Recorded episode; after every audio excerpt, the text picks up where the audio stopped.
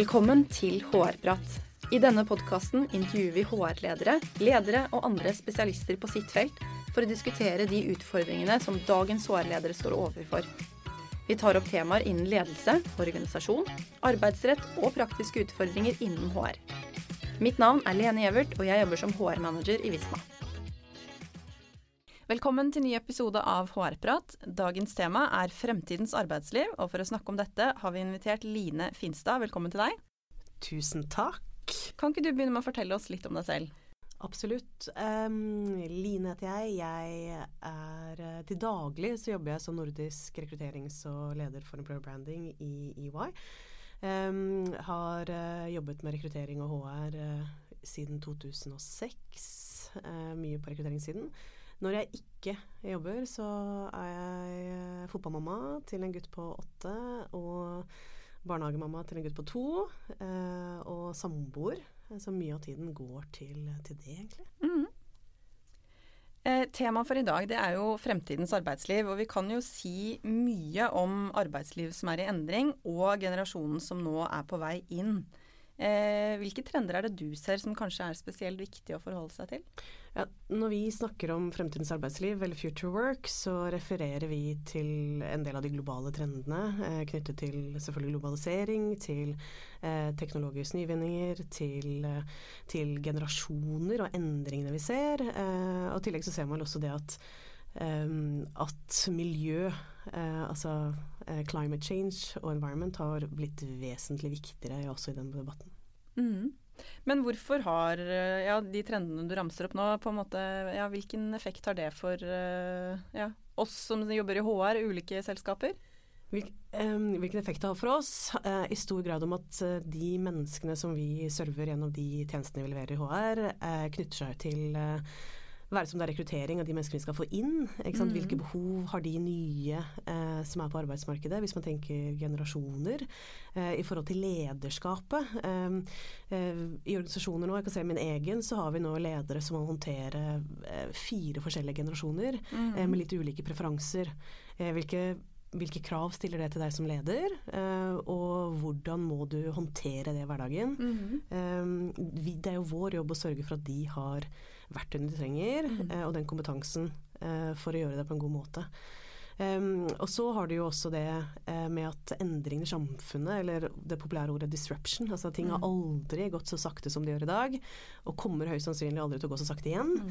Um, uh, de tingene er jo med på å stille krav til at uh, vi må passe på å være relevante, og da holder det jo ikke med å ta en utdannelse tidlig i karrieren eh, og tro at den kunnskapen kommer til å være vant resten. Mm. Så vi må legge til rette for den type læring også internt i organisasjonen. Og hvordan gjør dere det?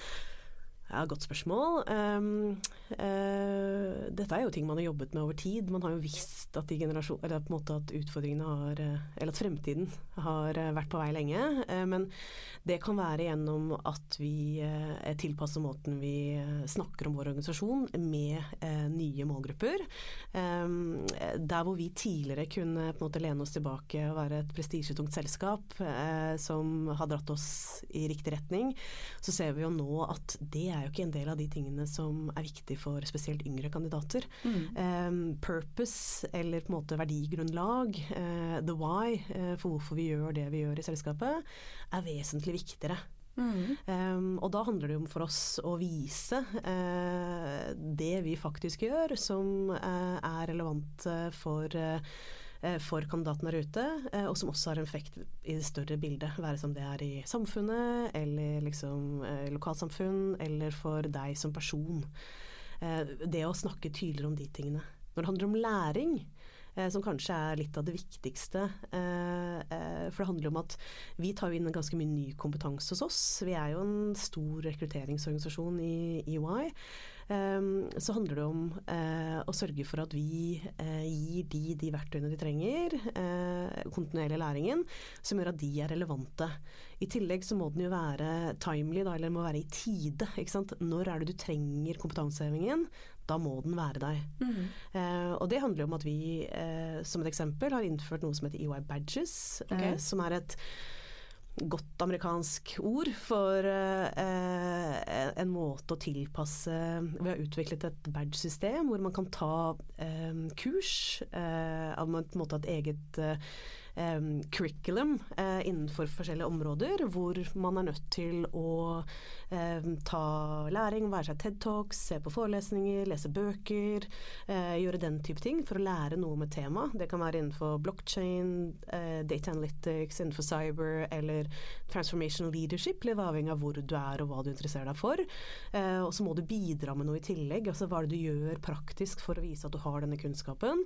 og så må du ha um, og så må du gjøre noe contributions. altså Vi må på en måte ikke bare ha den praktiske erfaringen, men også vise eh, ved å dele videre eh, hva du gjør. Mm. Eh, og når du har gjennomført dette, eh, som er on demand, en, en TED-talk eh, er tilgjengelig når det passer for deg på det devicet som du ønsker å bruke, eh, så sender du inn badget ditt og får det godkjent. og så er det på en måte et bevis på at du har en kompetanse innenfor dette området her. Ja. Men hvilke ansattgrupper er det det appellerer mest til? Er det, holdt på å si, er det sånn at alle sammen er superivrige på å gjøre dette her, eller er det spesielle grupper som skiller seg ut? Pussig at du spør om det. Jeg satt akkurat her, eh, satt her tidligere i uken og tittet gjennom på en måte våre badge earners, er jo de som har fått badge i Norden. Eh, og selvfølgelig så ser man jo en tendens til at der hvor det er folk som har fått flere badge, altså dette ble lansert for halvannet år siden eh, til to år siden. Eh, de som har tatt flere badge, befinner seg jo i en den yngre enden av skalaen. Okay. Gjerne sånn ett til fire års erfaring hos oss.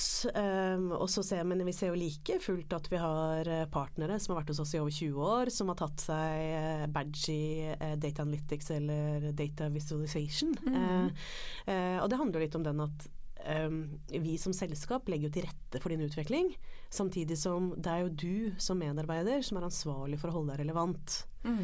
Um, og så er det selvfølgelig uh, god hjelp i at man som organisasjon tar og oppmuntrer til å bruke tid på dette. Ja.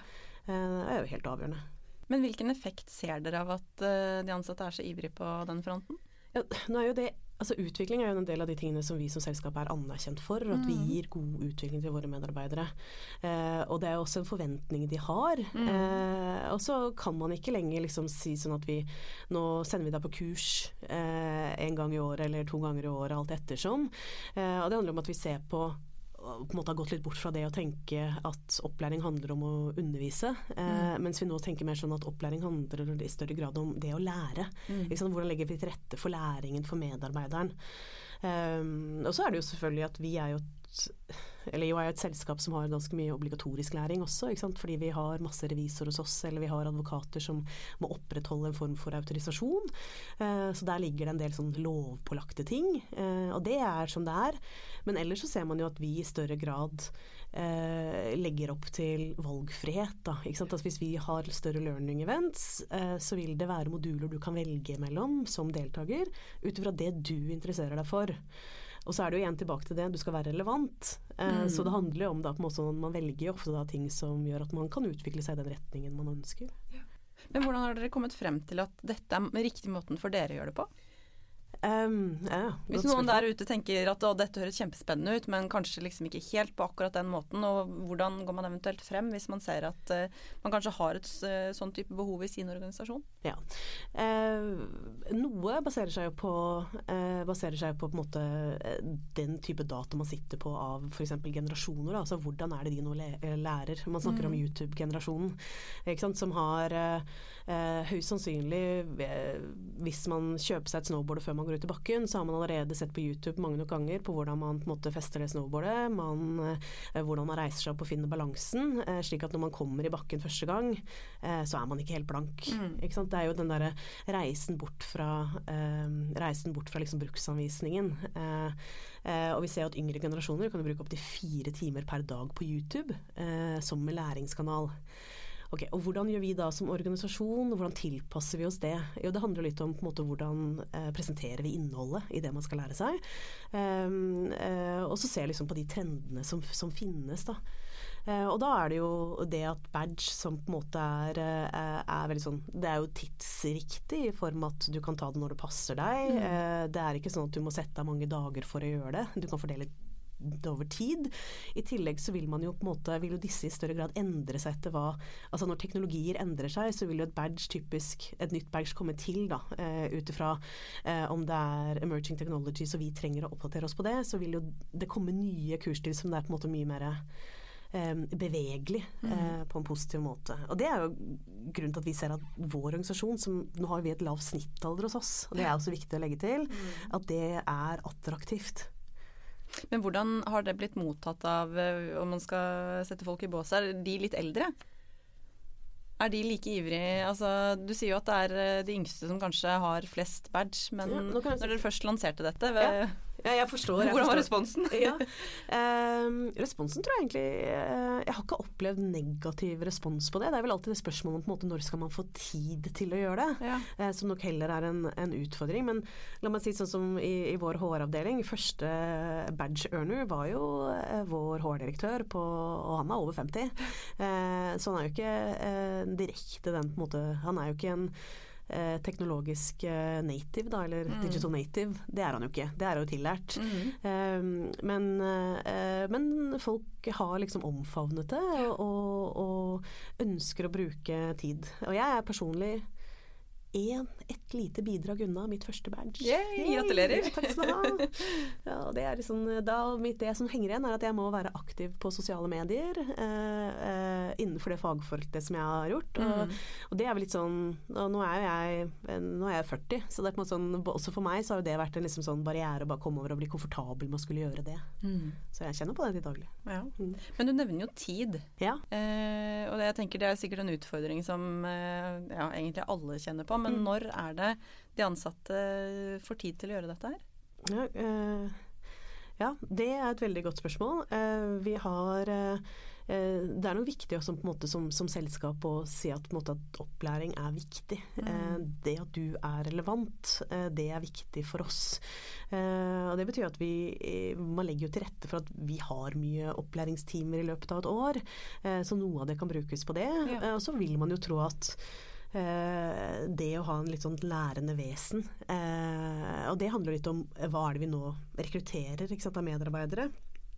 Eh, fra å være veldig sånn eh, erfaringsdrevet eh, og skill-based i forhold til hva vi rekrutterer inn, at vi vektlegger det mye, så ser man jo nå også at, at det med å ha riktig mindset er vesentlig eh, for oss. Mm. Og da handler det om mindset til det med å eh, ha et lærende mindset, og det med å være nysgjerrig for å, for, å, kunne være relevant fremover.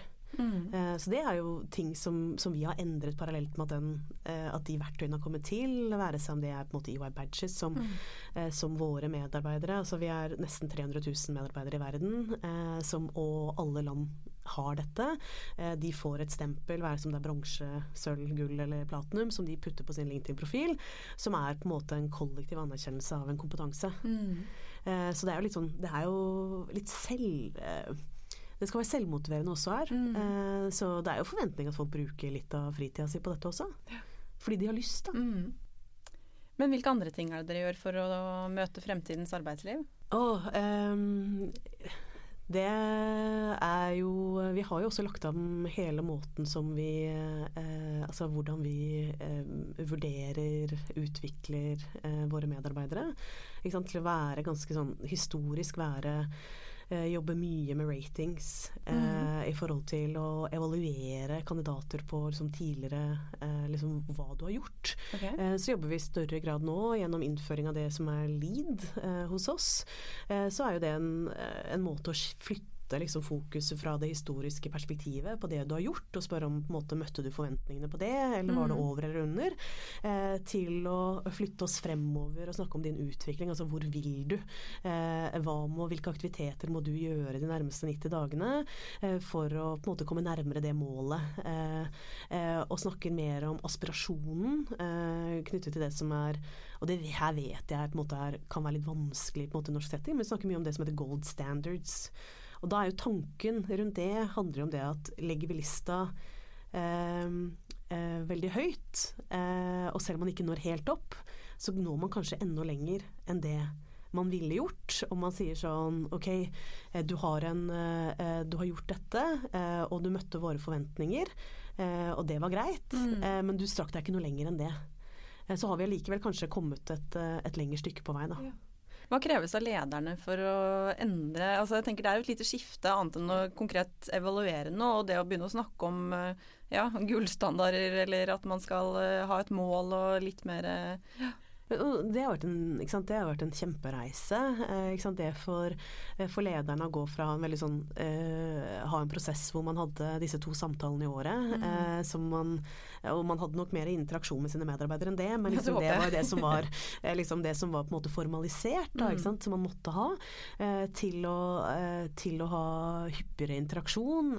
til å i større grad fokusere på den enkeltes utvikling. er jo og som du kan jo ende opp med å ha mange medarbeidere som har ulike interesser og ønsker, og som kanskje kan utvikle seg i ulike måter. som helt klart stiller større krav til uh, en leders mm. evne til å se individet. Ja.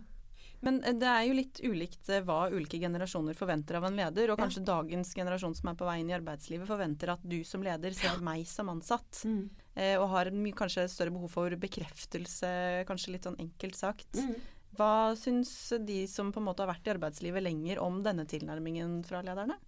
Men tror jeg, altså det, Der handler det om det med at man skal fasilitere den gode samtalen ja. mellom medarbeider og leder. Eh, så det vil jo være et, en typ, altså Har man et nytt eh, forhold da, som medarbeider og leder, så vil det typisk dette være noe av det som dekkes i en, en samtale hvor vi sier sånn Hvilke forventninger har du til meg eh, som leder? Ja. Eh, eller hvordan ønsker du eh, oppfølging? Og så har man selvfølgelig noen klare retningslinjer til at noen ting må man igjennom, mm. og noen ting må man gjøre. Men så vil det jo være det med å på en måte ikke anta at alle ønsker å eh, ledes på samme måte, ja. eh, og så tilpasse seg det. Mm. Og det er jo det at noen av de eh, fasiliterte på en av partnerkonferansene som vi hadde for våre ledere, eh, og da holdt jeg et foredrag om generasjon Z, og det var jo fulltegnet, ikke sant. Og det var jo en interesse der for å vite liksom sånn ok, hva gjør jeg da? Eh, mm. Nå har jeg tre generasjoner i min eh, i min medarbeiderpopulasjon, mm. og hvordan forholder jeg meg til det? Og det med å på en måte sørge for å gi bekreftelse. Eh, de fleste, eller veldig mange har jo sett um, Simon Sinek og hans mm. foredrag rundt millennials osv. Og, så ja. eh, og liksom det med instant gratification. Hvordan mm. Det er krevende som organisasjon eh, å, å, gi det. Ja. Eh, og hvordan balanserer man da behovene til individet, i hvert fall i et arbeidsmarked som vi har nå i Norge, hvor det er, mm. liksom, det er tøff kamp om kandidatene, eh, med liksom det man klarer å gjøre som leder eller organisasjon. Da. Mm. Hvilke utfordringer vil du si at enten lederne eller dere som organisasjon har nå? Eh, holdt på å si Dere gjør helt klart eh, mye som er spennende å høre på, mm. men hvilke utfordringer er det du ser at ligger foran dere? Um, jeg tror å utvikle en lederskapet uh, er, jo, um, er, jo, helt klart at vi har vi har jo I Norge så har vi en uh, i underkant av 2000 medarbeidere. Uh, uh, og vi har en, en, organisasjonsstruktur som gjør at vi har ganske mange unge ledere.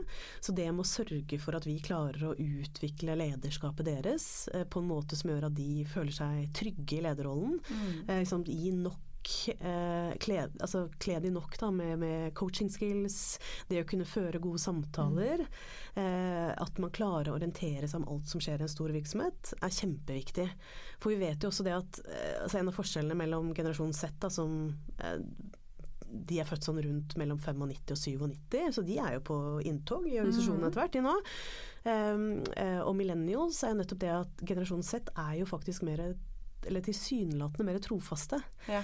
Så de har ikke nødvendigvis ønske om å skifte arbeidsgiver, men de ønsker likevel endring. Mm. Og hvordan sørger vi da for at vi har ledere som klarer å fasilitere en rollehopping det var et veldig dårlig norsk ord.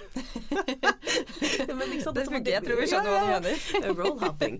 Yes, um, nei, men som at man klarer å uh, liksom fasilitere for en, en bevegelse mm. uh, ved å ha individets interesser uh, foran seg, når man vet at man kanskje sitter som prosjektleder selv og kommer til å bli rammet av noen som ønsker et annet sted. Ja. Det er jo kjempekrevende. Ja. Men hvordan skal dere løse dette, da? Nei, nå har vi jo Vi fikk jo ny strategi eh, bare for noen uker siden. Mm. Eh, hvor helt tydelig at lederskapet eh, løftes fram som en av de viktigste satsingsområdene våre. Eh, eh, I tillegg til upskilling av våre medarbeidere.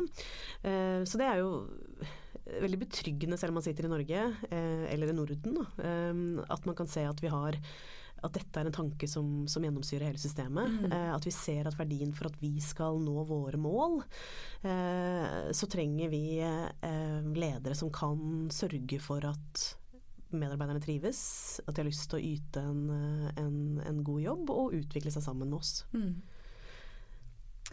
Eh, før vi runder av, hvis du skal gi tre råd til HR-ledere der ute som eh, har kanskje litt av de samme utfordringene som dere med å tilpasse seg fremtidens arbeidsliv. Altså bare tre! Ja, Ja, vet det. Veldig krevende. Ja. Takk, for, takk for spørsmålet. ja hvilke tre ville du vært da? Åh, ehm, jeg tror det ene rådet rundt det med å, å huske på det med kontinuerlig læring eh, er nok ekstremt viktig. Hvordan fasiliterer vi kontinuerlig læring i den organisasjonen som jeg representerer? Eh, og da er det jo eh, rådet ville gå på rundt det med på en måte sånn eh, hvordan kommuniserer vi det å være relevant? Ehm, eh, og så er det jo eh, det med å faktisk ha dette med individuell tilpasning ganske sånn langt fremme i, i pannen når man utvikler HR-tjenestene som man leverer.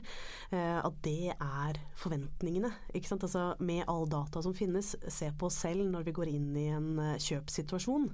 Eh, de vet mye om oss, de som selger oss nå, og vi forventer at dette tilpasses oss. Det er ikke annerledes på arbeidsplassen. Så hvordan får vi til det?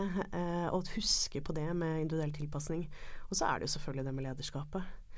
At eh, en viktig rolle for oss i HR nå er å sørge for at vi har gode ledere rundt omkring i våre organisasjoner, som evner å både ta inn eh, de nye generasjonene som kommer, men også ivareta de som allerede er hos oss på en god måte. Mm. Da sier jeg bare tusen takk til deg og for at du kom. Tusen takk for at jeg fikk komme. Og til deg som hører på, vi prates. Hvis du har temaer eller spørsmål du ønsker vi skal diskutere, send oss gjerne en mail på hrprat.visma.com. Og for flere episoder, sjekk ut visma.no slash podkast slash hrprat.